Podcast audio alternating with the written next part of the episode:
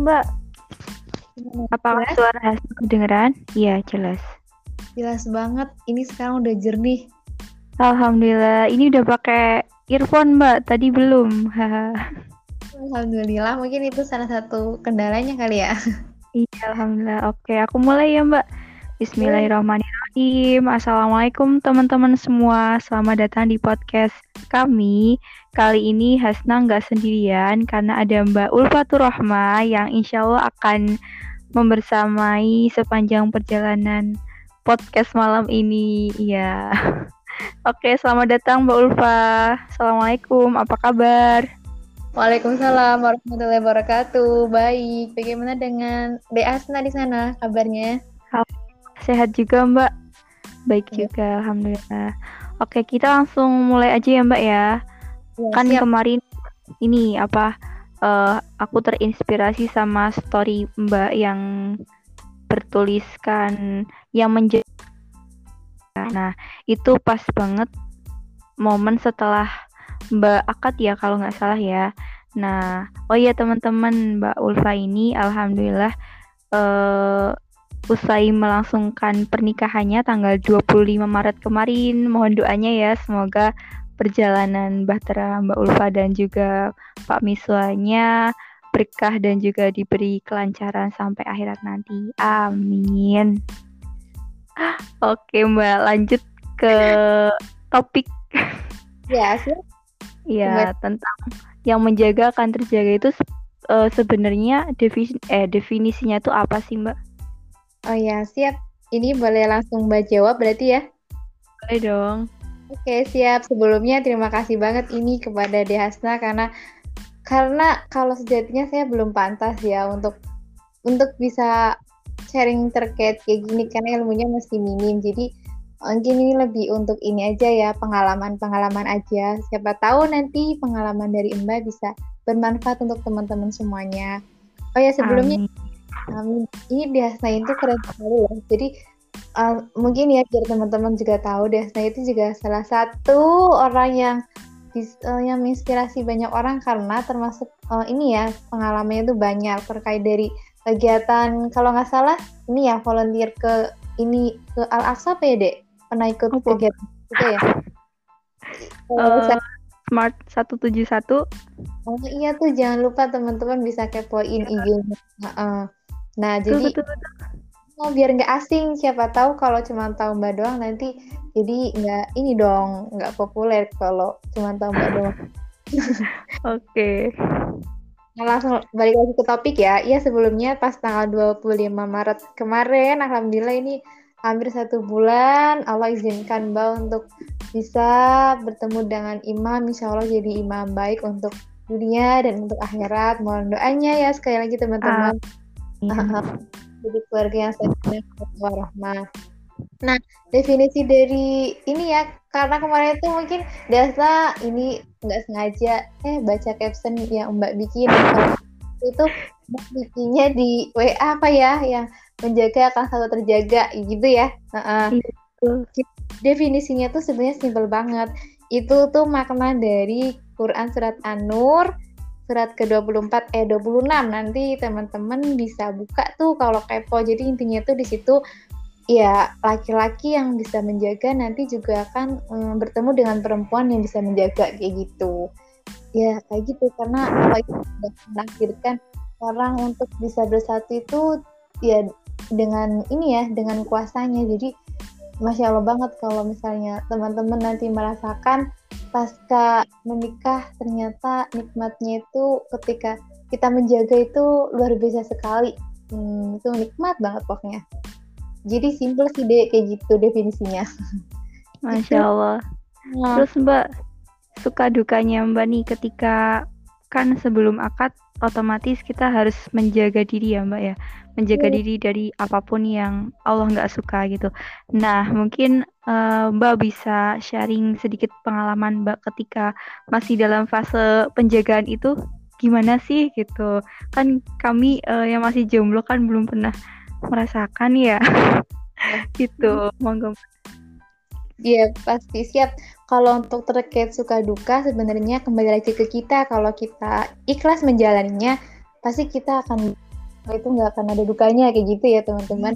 Cuman karena kita manusia pasti kita nggak luput dari kata yang namanya salah, tidak sempurna. Jadi pasti kita pernah merasain yang namanya duka kayak gitu. Tapi intinya kuncinya satu sih biar duka kita itu nggak terlalu mendalam, kuncinya kita harus ikhlas kayak gitu. Nah kalau nah, untuk kita sendiri, kita itu akan menemukan banyak keistimewaan, keistimewaan saat kita berusaha untuk menjaganya kayak gitu. Jadi kalau misalnya kita berusaha untuk menjaga di situ kan ikhtiar kita itu pasti satu ya. Kita melaksanakan semua itu ya kita niatnya harus benar-benar karena Allah kayak gitu. Karena sebenarnya kunci dari menikah itu adalah niat yang lurus teman-teman. Jadi kalau misalnya niat kalian belum belum lurus karena mungkin saya akan menikah biar nanti ada yang bonceng ini atau nanti aku tuh ada yang uang jajan atau enggak ada yang ngasih kata-kata goodbye atau good night atau jangan lupa makan gitu ya itu tuh mm -hmm. sebenarnya itu niatnya harus dijaga uh, jadi itu niatnya belum lurus makanya tadi mbak kata jadi untuk kayaknya itu kalian akan mendapatkan hikmah yang luar biasa dari panjang itu gitu.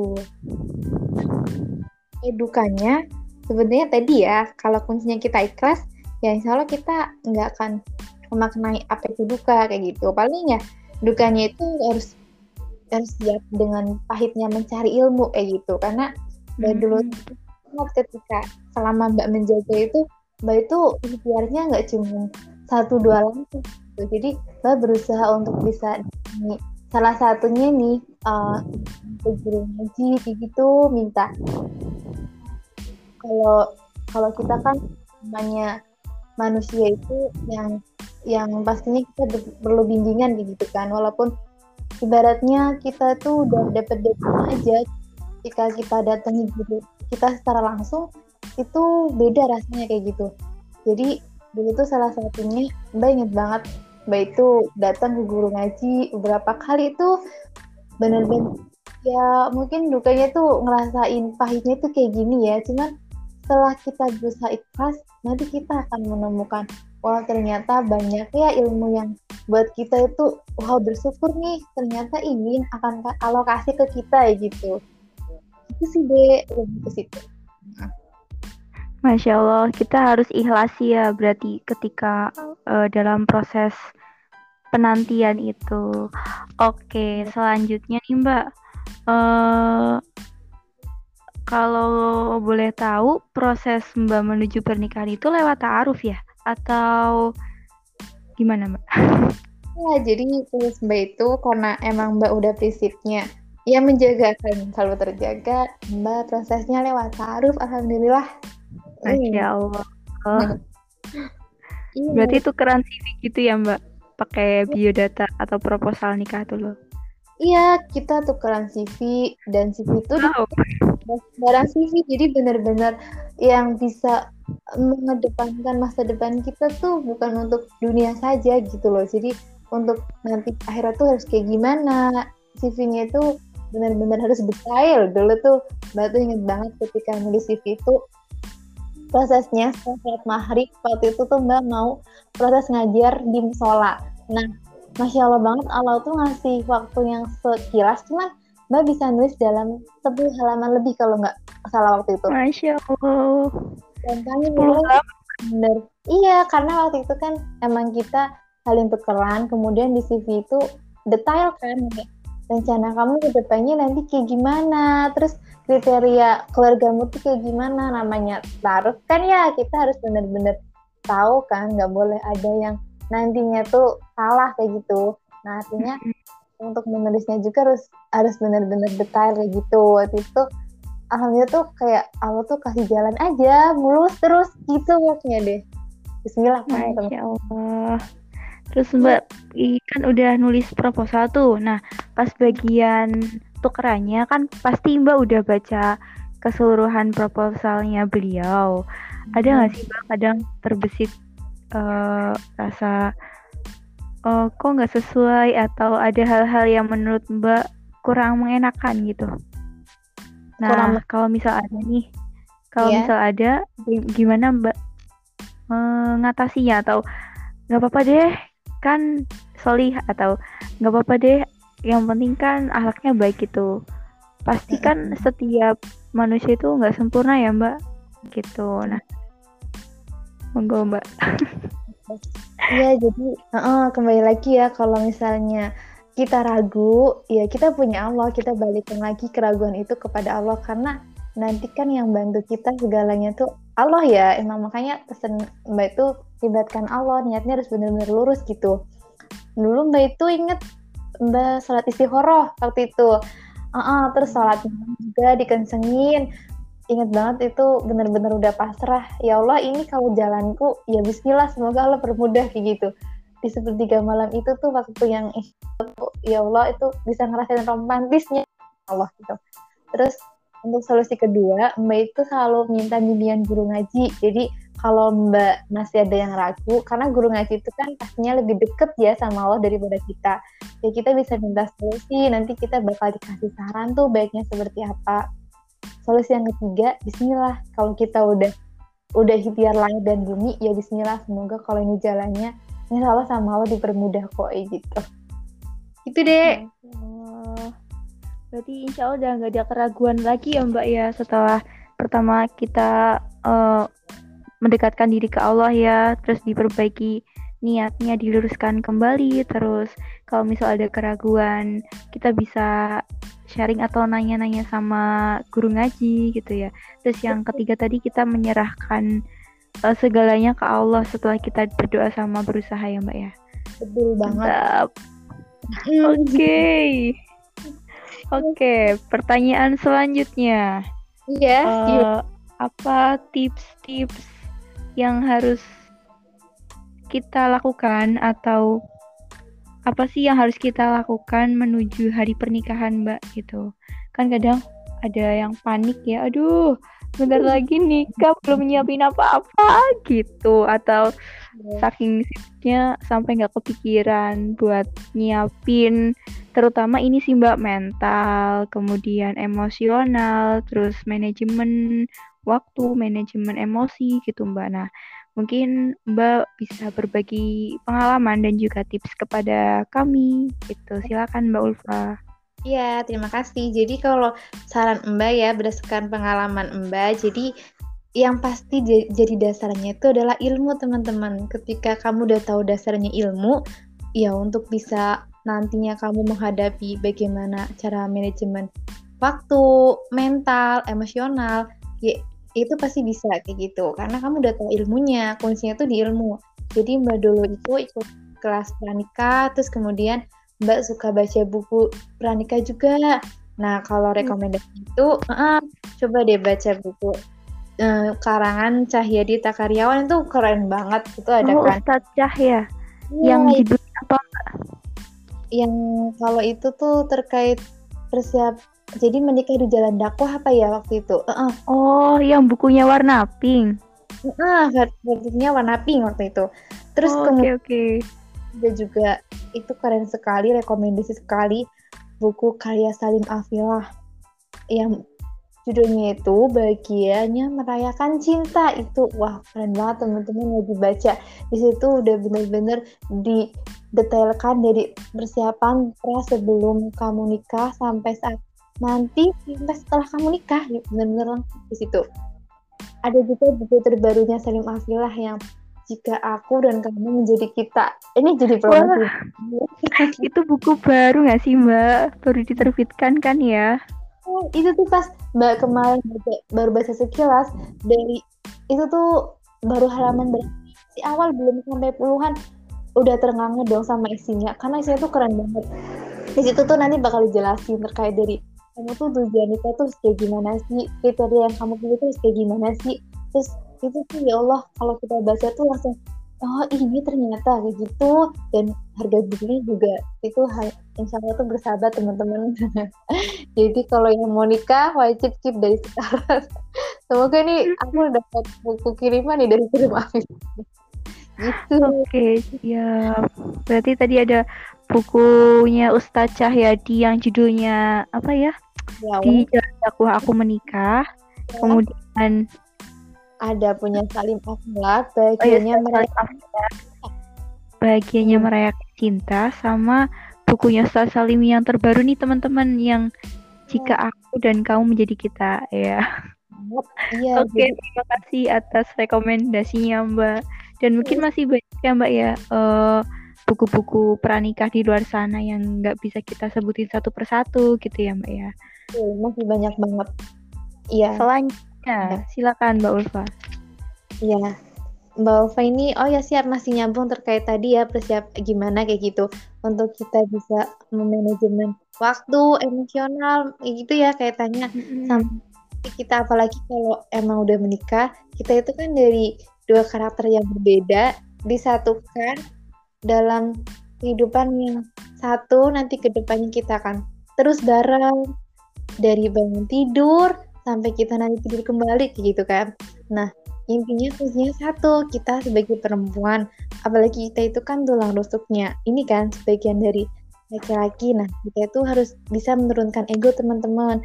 Kita kan sebagai makmum ya. Jangan sampai kita itu nanti egonya lebih tinggi dari laki-laki. Karena kita itu perempuan harus jadi makmum yang baik. Jadi pesan untuk teman-teman semuanya pokoknya ego itu harus bisa diturunkan gitu.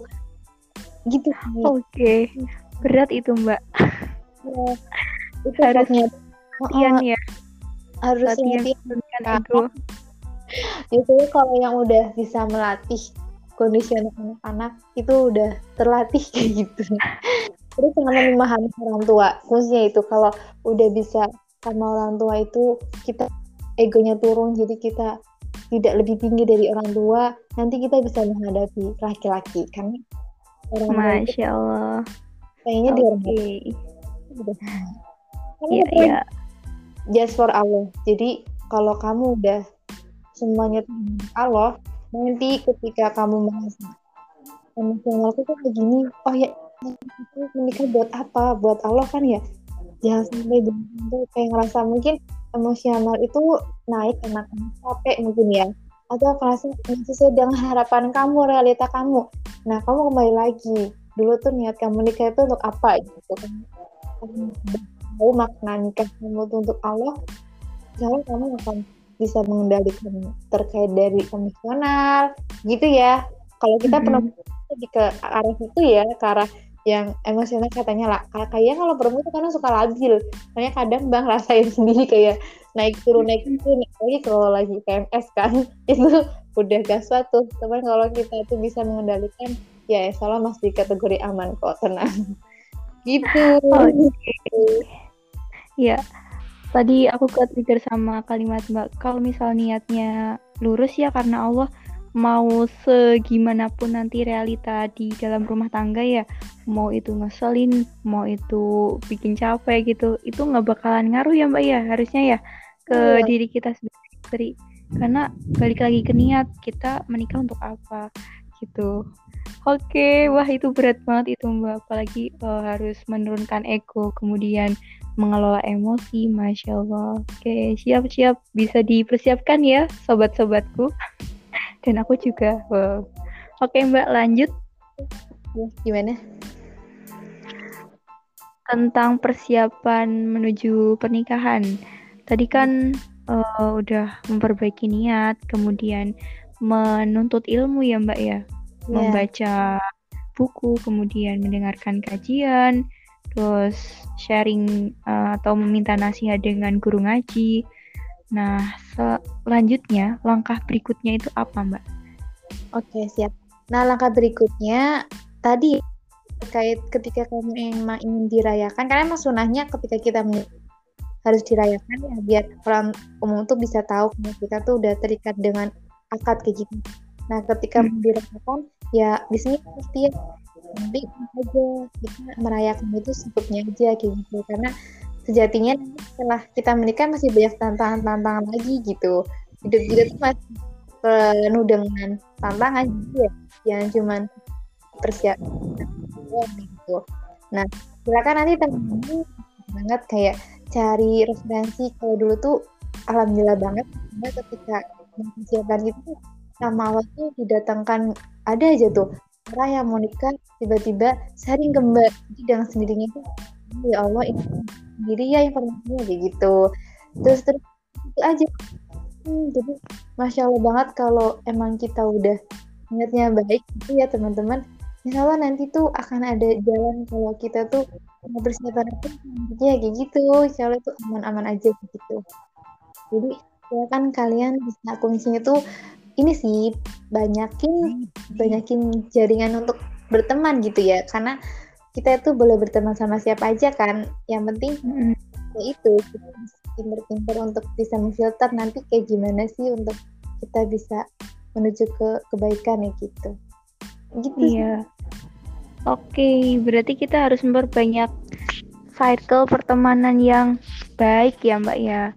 Nah, hmm. nanti kan kita di hidup di dunia kan nggak sendirian, pasti butuh yang namanya teman untuk sosialisasi, kemudian masyarakat gitu ya Mbak. Iya. Oke, nah apalagi nih Mbak yang perlu ditambahkan untuk mempersiapkan menuju pernikahan untuk Hasna dan juga teman-teman yang masih jomblo nih. Oke, ini langsung ke closing statement berarti ya, karena Oh iya, boleh boleh. Ya siapa tahu moderatornya sibuk gitu ya. Jadi kalau dari okay. um, itu ingat banget ya. Jadi kalau untuk kehidupan pernikahan itu kita kan seumur hidup ya, ya kita sampai surga gitu kan.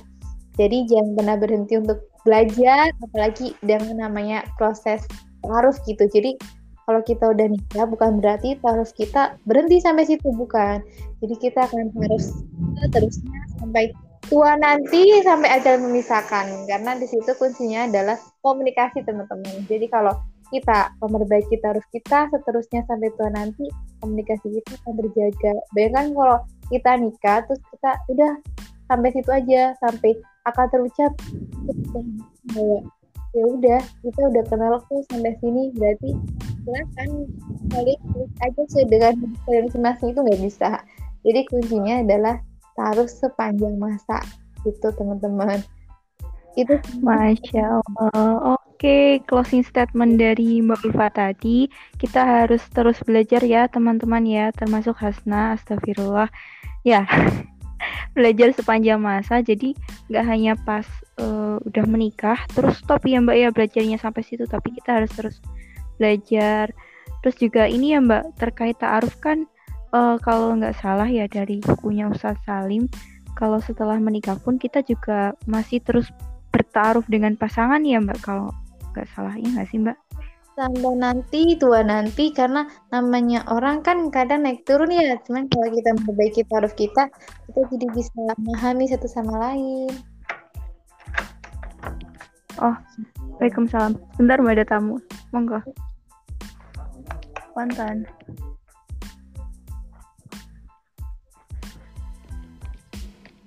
Oke Mbak, mungkin dicukupkan dulu ya.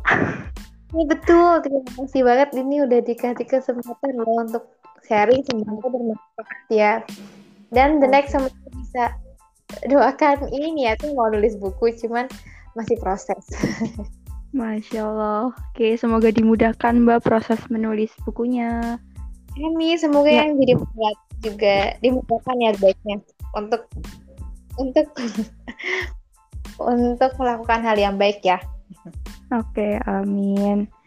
Ya, mungkin cukup sekian ya Mbak podcast kita malam ini. Semoga kita bisa melanjutkan di sesi-sesi berikutnya dengan bahasan yang mungkin lebih lebih apa ya, lebih bervariasi lagi gitu ya Mbak ya.